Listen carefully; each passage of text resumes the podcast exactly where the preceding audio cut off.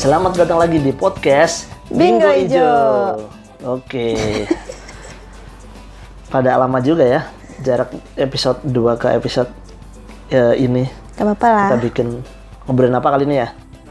bebas. Kayaknya karena eh, kemarin habis ulang tahun teater JKT48 yang ke-8 ya. Mm-mm. Jadi kayak tiba-tiba tuh nginget-nginget, oh iya sebenarnya JKT48 itu udah hampir 9 tahun berarti kan. Jalan 9 sih, Mas, ya maksudnya eh, Ya, tahun bu- bulan Desember ntar 9 tahun berarti ya. 9 tahun. Kan duluan JKT-nya dulu JKT sebelum teater sebelum kan. teater. Jadi mungkin ini kita di masa-masa lagi pandemi gini kan lagi nggak ke mana-mana itu momen paling tepat untuk merenung kali ya. Gila. Apa yang masih direnungi? Bukan merenung sih apa ya? Kontemplasi lah. Oke. Jadi ini kita kali ini akan bahas tentang kontemplasi seorang fans JKT48. Siapa fansnya? Kita.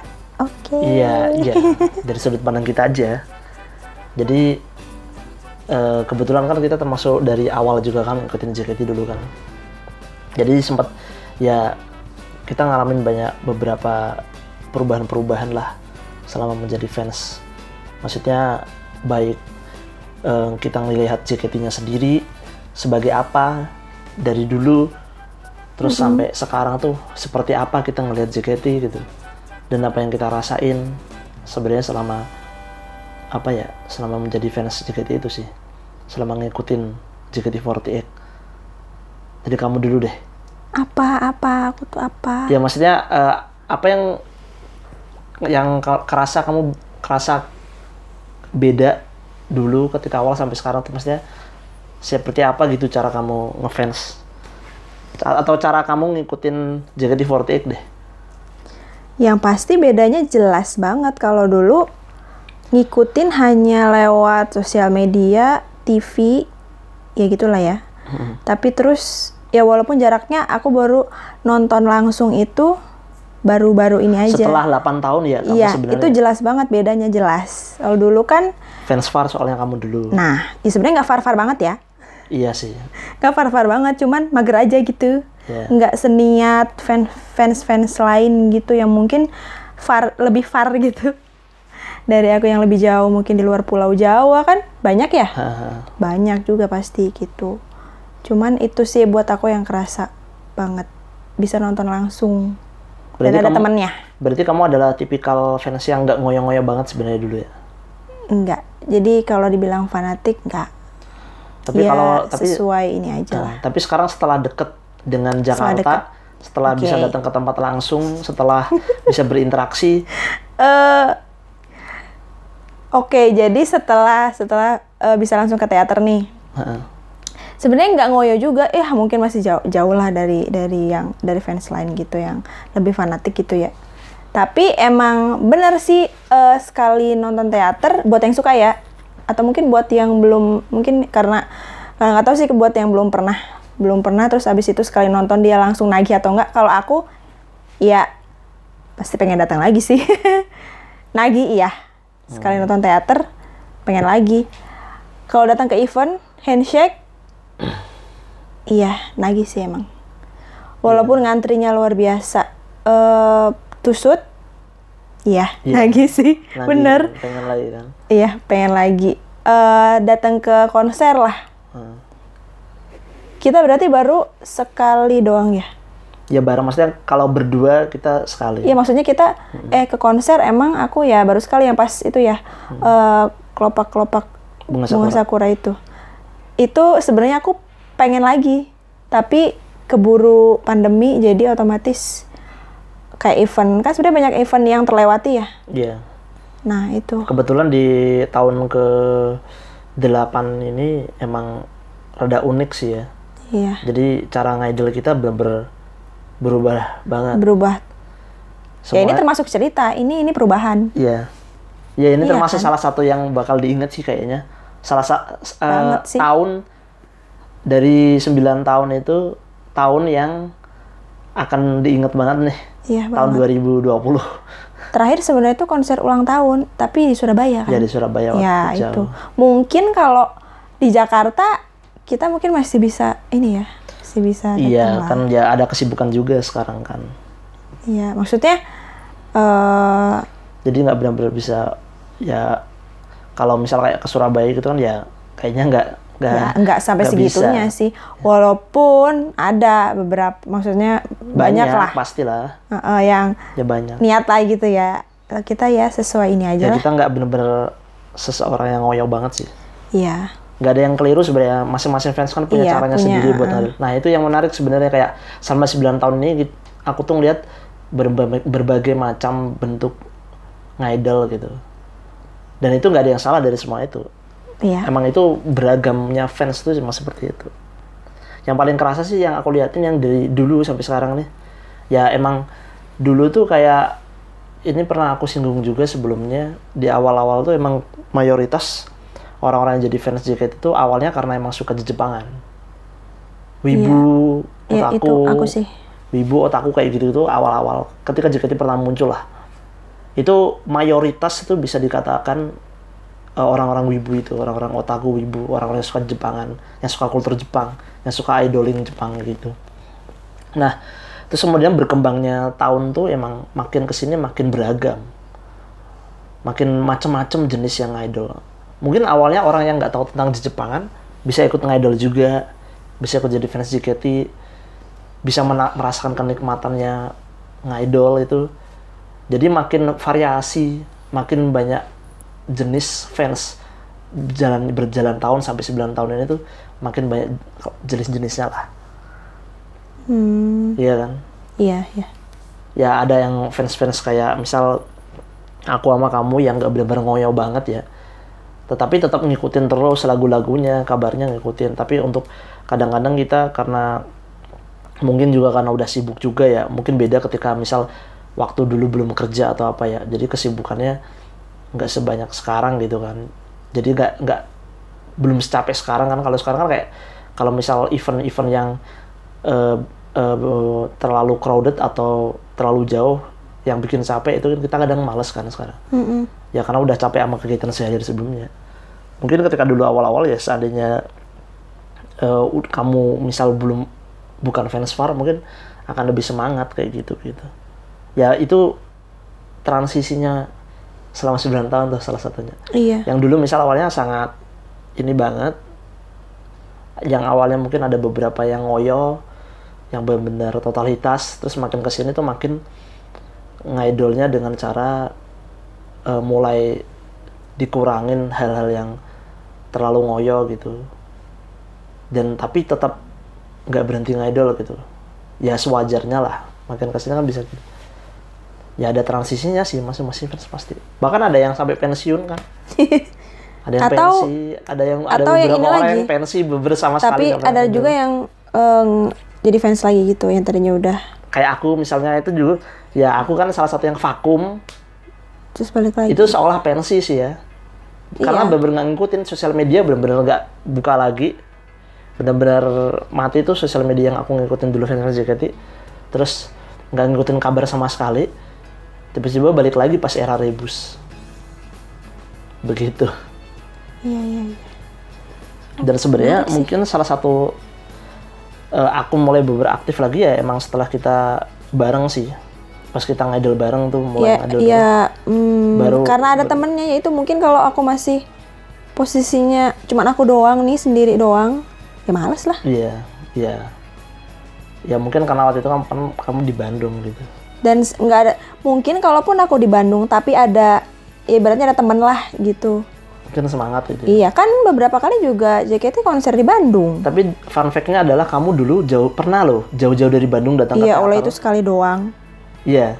Iya, tapi itu, itu, sendiri kayak lah itu ya, gokil sih menurut aku Mas. Iya, kamu kan tahu aneh sih aku emang wah itu lagi mode aneh iya. Iya, kamu kan nggak aneh sih. Maksud aku ya nggak apa-apa menyukai sesuatu terus datang jauh-jauh untuk eh, nemuin sesuatu yang kita sukai itu kan ya. iya iya itu iya, kan iya. fans Gokil kan emang sih. seperti itu. Nggak masalah sih. Nggak ada yang salah dari itu. Gokil. Iya kan dulu kamu pernah jauh-jauh dari Bandung gara-gara menang kuis ya waktu itu ya. Hmm, kalau ya dari Eh blog kompetisi, gitu. kompetisi dari blog. blog, kompetisi blog.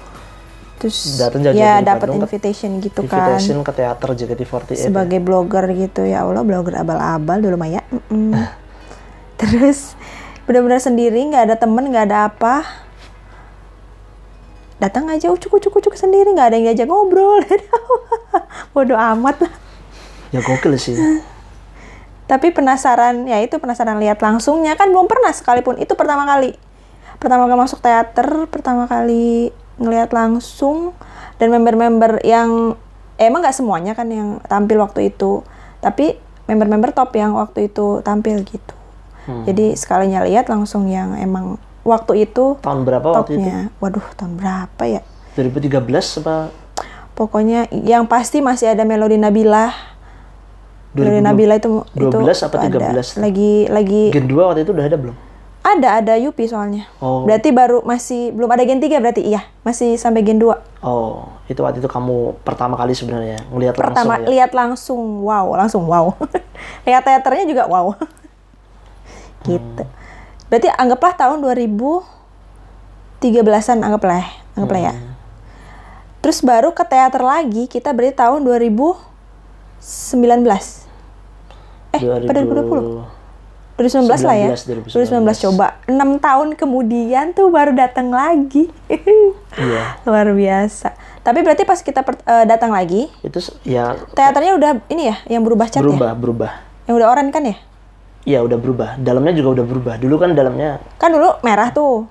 iya heeh. Eh iya, warna dominannya kan merah tuh. Heeh, heeh. Berarti udah oranye ya?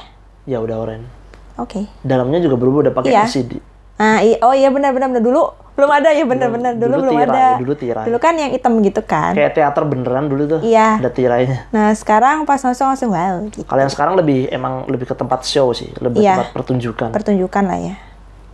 Kalau dulu emang kayak teater bertirai muncul dari tirai tempat Hmm. duduknya juga beda dulu mah namanya sekarang Oh iya beda. Nah, yang pas aku datang itu masih nggak kayak sekarang kita. yang besi itu ya Yang besinya. kalau yang sekarang kan eh, empuk lebih empuk Ya, lu oke lah gitu. Lebih nyaman, lebih nyaman. Terus dulu tuh sebenarnya juga eh eh, bingo, eh kok bingo sih? Ya tiketnya tuh nggak kayak sekarang. Iya. Tapi aku nggak merasakan. Dulu tuh ada waiting list. Iya, aku nggak merasakan. Waiting list peluangnya itu. Jadi kalau kata teman aku sih eh, itu teori-teorian ya waktu itu ya. Entah bener atau enggak. Jadi kayak biasanya kalau belum pernah datang itu peluangnya lebih besar dapat Oke. dapat tiketnya Ya fair sih. atau fans fair fans far gitu. Fans far gitu ya. Fans far itu juga peluangnya lebih besar dapat Ya fair lah ya. Ya, ya le- adil gitu lah. Mm, Jadi ada waiting listnya dulu. mm-mm. Mungkin dulu emang membludak banget kali ya. Iya, aku makanya Iya sih, nggak Yang merasakan. yang aku. beli lebih banyak daripada yang kapasitas kuotanya Iya. gitu. Tapi sekarang enak sih. Sekarang enak udah apa namanya eh ya first in first out. Yang siapa cepat dia dapat tiketnya gitu kan. Dan bisa dan nggak usah waiting list waiting listan lagi. Terus JKT Point ngisinya sekarang udah enak bisa pakai eh, kartu kredit atau visa. Mm-mm. Ya mungkin sih beberapa sekarang masih ada yang ngisi pakai ATM kan, tapi sekarang mah kalau udah punya kartu visa mah enakan pakai itu aja atau Iya. CC Ya lebih dipermudah lah ya. gitu sih. Apalagi ya Apalagi bedanya ya, maksudnya eh, yang kita rasain. Ya dari dulu mungkin media media sosialnya juga rada berbeda. Dulu kan media sosial eh, member tuh bisa bales. Ya awalnya, awalnya bisa Misal di reply sama fans, dia bisa Iya. nge-reply fans ya. Heeh, Ya terus gara-gara untuk biar tidak ada kecemburuan sosial ya, betul. dibikin nggak boleh ini apa namanya balas reply fans. Terus dulu ada Google Plus. Google Itu Plus, iya. Sebenarnya aku suka ya waktu zaman Google Plus loh. Karena eh, member tuh kayak dilatih nulis gitu. Hmm. Mungkin karena eh, aku aku juga seorang blogger kayak kamu dulu kan.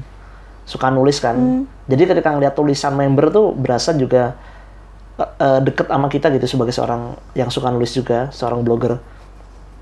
Dan itu aku suka sih sebenarnya karena eh, member jadi bisa eh, ngungkapin perasaannya kehidupan sehari-hari diceritain di tulisan gitu. Iya, Menarik itu kadang. menarik. Berarti dulu G Plus sama Twitter ya? Iya Twitter juga. Facebook berarti enggak kan ya? Aku selama aku ini sih nggak pernah lihat mereka main Nggak ya? Facebook sih. Berarti Jiplas sama Twitter Iya, terus eh, sama Jiplas kan udah enggak IG kan ya?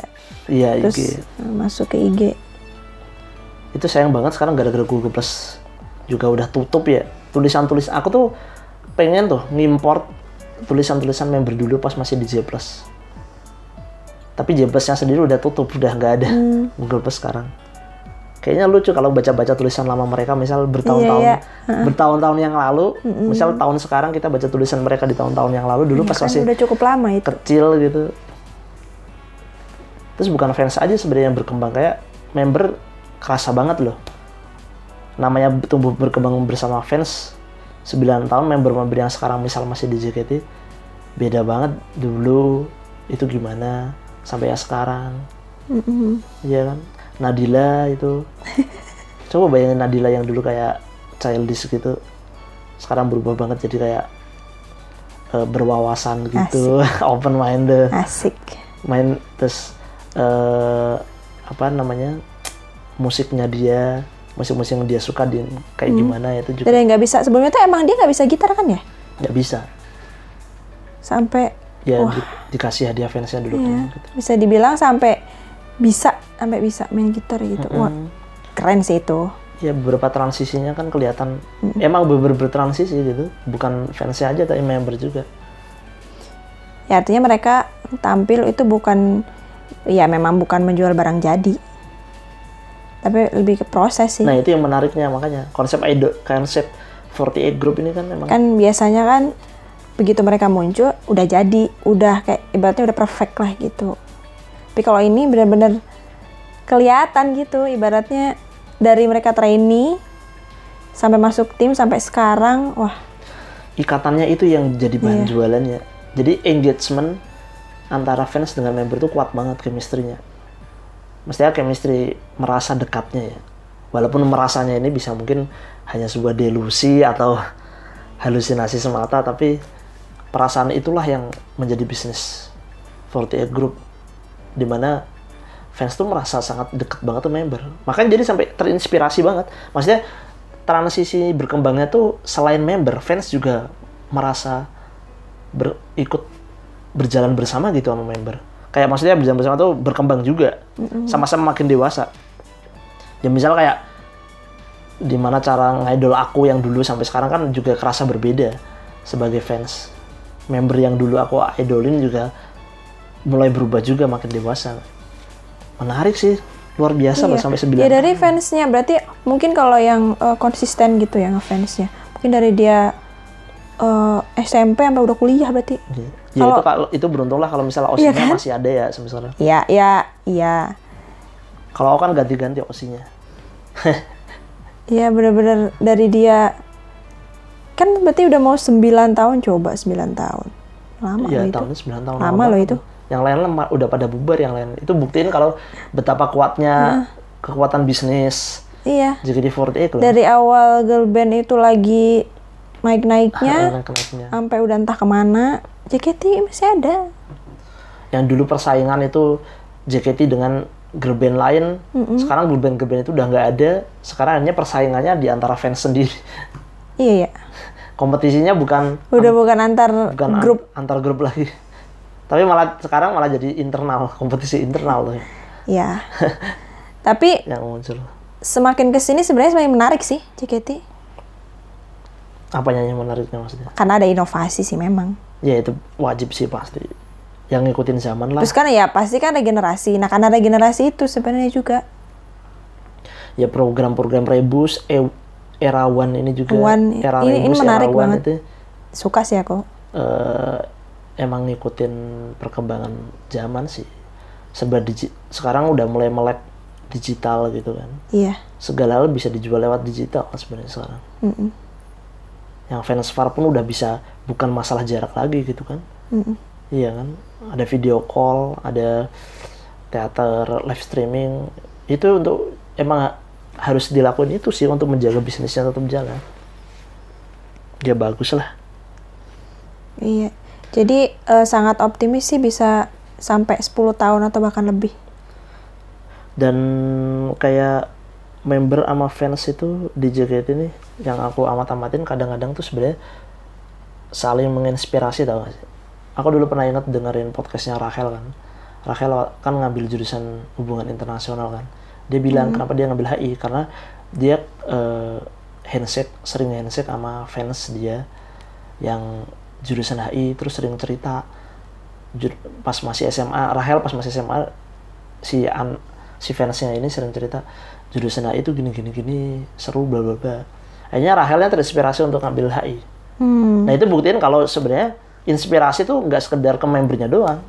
Eh membernya doang sorry ke fansnya doang yang dapat inspirasi dari member. Bisa sebaliknya timbal balik feedback gitu. Member pun bisa terinspirasi dari fans. Yang penting sebenarnya sama-sama positif aja sih. Kayak saling mendukung aja kayak gitu. Nah itu Iya. sebenarnya yang aku rasain paling kerasa itu tuh. Timbal balik sebenarnya saling terinspirasi pun kadang-kadang kalau aku baca uh, tweetan member atau nonton mereka ngomong di video JKT gitu kan.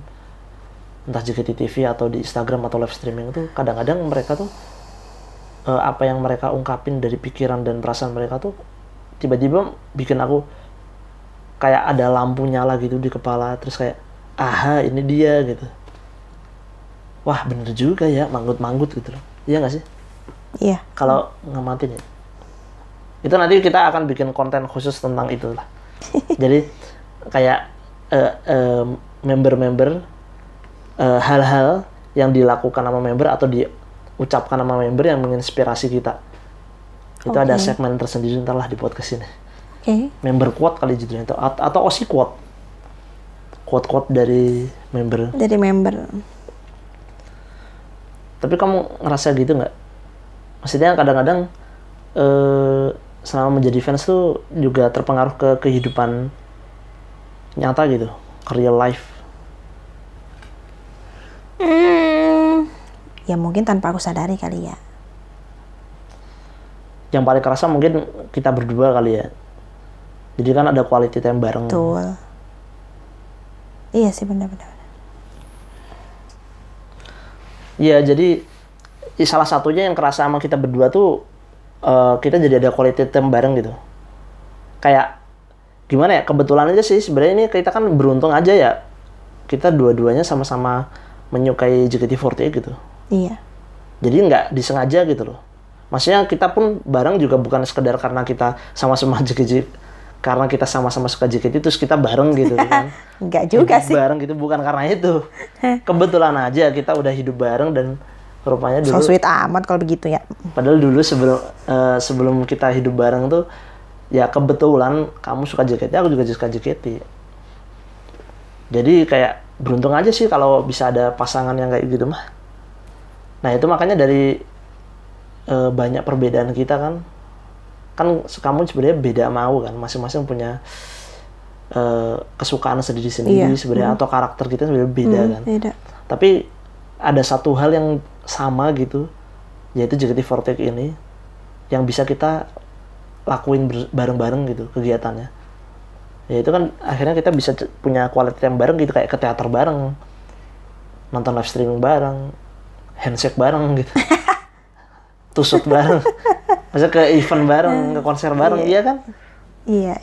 itu salah satu yang kerasa. Misal dulu awalnya kita ngidol sendiri-sendiri kan rasanya sekarang Ya beda itu nggak kan, berasa sih sendiri waktu masih sendiri mah.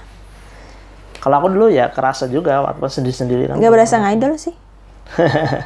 dulunya kamu Ya iya.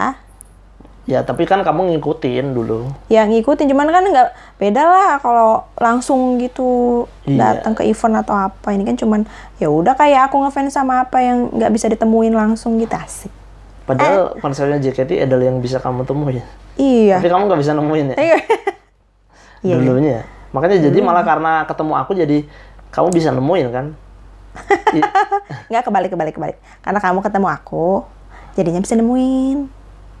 ya terserah kamu lah itu mah bebas jadi gitu salah satunya kan transisinya itu tuh aku dulu inget dulu pas ngawal-ngawal ngidol juga bareng temen jadi kadang yang aku amatin beberapa tuh eh salah satu karakter fans JKT ini. Kenapa dia ngidol JKT48? Itu karena ngerasa nemuin harapan gitu.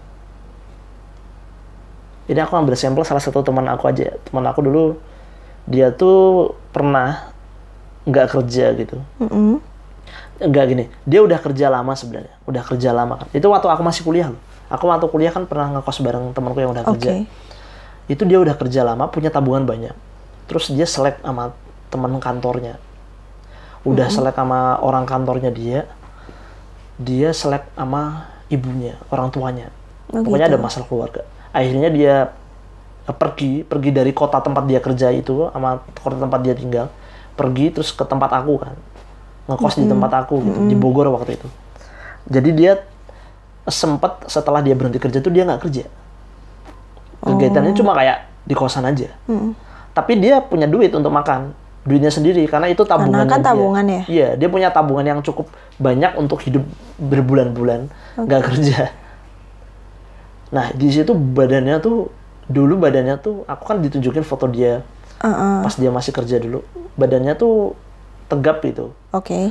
Pas udah tinggal di kosan aku badannya digemuk banget. Oh karena ya cuman Iya, di iya kosan, kayak tidur, makan doang bangun, gitu ya. hargain. Terus kayak hidup Iya, iya, iya. lontang-lantung gitu loh. Heeh. Tapi lontang-lantungnya pasti bertanggung jawab lah karena dia punya tabungan sendiri kan. Mm-mm. Dia nggak kalau lebaran nggak pulang kampung Oh. karena selek sama orang tuanya. Jadi kayak udah sama keluarganya tuh dia punya masalah. Terus terus terus terus. dia lagi istirahat kerja katanya dia sih mau kerja lagi kan setelah bertahun-tahun istirahat jadi kayak karena dia eh, lagi capek dengan masalah terakhir dia kerja nah kayak gitu dia aku kan sering muter tuh di kosan ya waktu itu eh, video JKT48 nonton kan Oh, gitu. atau lagu. Nah dia sering main ke kamar aku kan. Terus aku kenalin tuh sama JKT48 terus dia suka nonton bareng. Datang ke ke kamar aku cuma untuk puterin dong JKT gitu. Dia sukanya mah Haruka dulu. Oh. lucu banget kan? Ini dibayangin ya, teman aku tuh gendut banget lah. Padahal pas dulu foto lawasnya dia tuh keren loh badannya tuh kayak ideal gitu kan. Gara-gara sejak nggak pas nggak udah nggak kerja dia gendut gitu kan. Terus suka sama Haruka gitu. Heeh. terus ketawa gitu senyum gitu kalau ngeliat kalau ngeliat Haruka gitu ngeliat JKT gitu kan. Terus aku ceritain kan banyak tentang JKT bla bla bla gitu kan. Seneng dia. Sayangnya tuh aku waktu itu nggak sempet ngajak dia ke teater sih. Padahal dia pengen ke sayang teater. banget. iya pengen banget tuh aku sebenarnya aduh aku, salah satu penyesalan aku tuh nggak ngajak dia karena dia orangnya tuh orangnya tuh pinter banget sebenarnya jadi dia alasan dia nggak kerja tuh pure karena itu tadi lagi Ya lagi. capek mental. Nah, Oke. setiap dia ngeliat JKT, itu seperti aku melihat dia seperti ada sesuatu yang Eh, harapan. iya kayak bahagia gitu loh. Ini bayangin orang bermasalah keluarga, bermasalah sama kantor dia yang lama, dia pergi dari kota itu terus ke Bogor cuma untuk istirahat nenangin diri doang, terus ketemu JKT48. Wah. Wah, aku tiap kalau dia ngeliat JKT nonton kita nonton bareng di video kita belum waktu itu aku belum sempat ngajak dia ke teater langsung sih. Itu terlihat berbinar gitu. Iya ya terlihat kayak ada semangat gitu kayak, kayak senyum gitu ketawa gitu. Nah aku ngamatin kayak gitu kan rasanya gimana ya? Emang iya sih. Kadang-kadang tuh kita kayak nemu sebuah harapan yang membahagiakan kita gitu ketika kita ngidol gitu. Handshake berinteraksi sama member terus kita ngikutin member itu member itu cerita apa aja. Kita ngeliat mereka nge-MC ngeliat mereka perform di panggung. Bahkan walaupun nonton dari layar doang walaupun nggak datang ketemu langsung itu ada semangat tersendiri nggak sih. Nah itu tuh yang jarang dipahami sama orang yang bukan fans JKT kan banyak teman aku juga yang ketika zaman aku kuliah dulu kan pas awal-awal JKT juga aneh merasa. Merasa kayak JKT itu cuma kayak apaan sih cewek joget-joget pakai rok pendek gitu. Nyanyi lip sync gitu kan. Iya, lu sering banget jadi sih. kayak gitu. Komen gitu. nah soalnya mereka hanya ngelihat enter JKT sebagai entertainment doang. Iya. padahal tuh JKT48 tuh bisa dilihat lebih dari sekadar entertainment sih? Itu tadi yang kayak aku gambarin teman aku itu tadi loh. Kayak kayak nemu kebahagiaan sendiri gitu harapan sendiri untuk jalanin hidup jalanin hari. Dan pasti banyak sih yang kayak gitu juga di luar sana. ya aku nggak tahu tapi itu aku baru cerita salah satu teman ya. Terus aku juga kalau ketemu temanku yang lain juga dia pernah cerita juga gitu.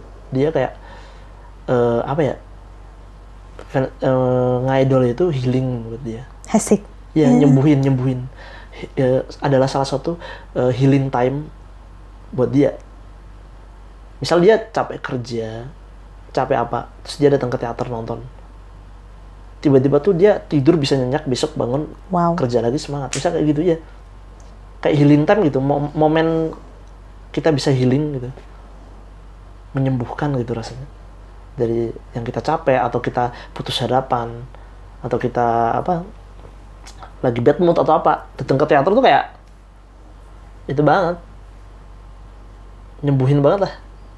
Serius? Iya, yang kamu penting- ngerasain nggak? Iya iya sih ya. apa? Ya yang penting kalau eh, selama itu berdampak positif sih ya oke lah ya. Ya kalau aku lebih ke ya hiburan sih. makanya kita kita sampai di tahun ke-9 ini kan aku ngerasa eh, fans juga kan makin macam-macam ya. Ada beberapa hal-hal yang kadang-kadang terlihat negatif itu kadang-kadang ya tapi itu hal yang lumrah sih. Kayak misalnya tubir-tubiran atau ceng-cengan atau bully-bulian itu banyak banget sekarang di fandom. Tubir-tubiran kayak gitu tuh banyak banget. Nah itu salah satu hal yang aku amatin salah satu bentuk yang berubah dari fandom yang dulu dan sekarang. Tapi aku mera- merasa itu hal yang lumrah. Di fandom mana pun tuh emang pasti ada transisi kayak gitu. Di mana dulu mungkin awal-awal fandom itu semua orang bisa satu suara gitu. Sekarang tuh suaranya udah terpecah-pecah. Iya. circle-circle dalam fandom tuh udah punya prinsip yang beda-beda gitu punya visi ngidling beda-beda. Tapi aku melihat sebagai hal yang lumrah namanya udah majemuk ya. Namanya fandomnya makin gede makin variatif gitu orang-orangnya. Punya visi yang beda-beda sih ya, lumrah. Tergantung kita kan milih mau milih menjadi fans yang seperti apa itu kan pilihan kita ya. Iya. Jadi netral aja lah. jadi eh, itu sih. Itu, itu menarik banget loh menjadi fans JKT48 tuh paling kerasa itu tadi dah. Kayak rasanya tuh kayak bisa kalau aku ngeliatin pandangan mata pada mata fans-fans yang datang ke teater gitu kadang-kadang pas dia masuk datang tuh pandangannya kosong atau lelah letih. Pas masuk di dalam Oi oi oi oh. ngecen wops. gitu. Ya, serius. Kadang-kadang tuh ada kalau aku ngamatin datang ke teater tuh ada orang yang tampak lesu lelah gitu pas sebelum masuk teater. Pas sudah masuk aku liatin di dalam wah kayak jadi seseorang yang berbeda gitu ngerti gak Oh, sih? makin makin pengen ke teater lagi kan. Nah, mak- makin kangen kan eh, ke teater lagi kan? Atau ke event handshake yang ngechairnya bisa lebih lepas. Kalau di teater kan terbatas ya. ya kalau ya kalau misal di event kan soalnya gede biasanya Wah, kayak orang bisa makanya pas pertama kali handshake apa datang ke event handshake itu wah, wah, wah. iya kayak pengen lagi gitu.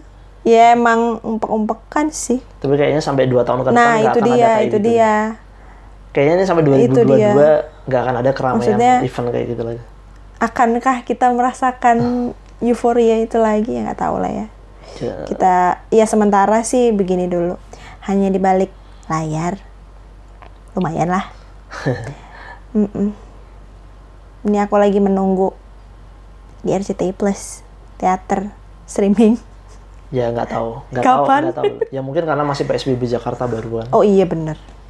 ya Iya mungkin juga sih. berhenti dulu gitu nggak tahu mungkin Hmm. setelah ini ada lagi ya udahlah gitu aja kontemplasinya Oke. lumayan lama juga nih berkontemplasi oke thank you semuanya Bye.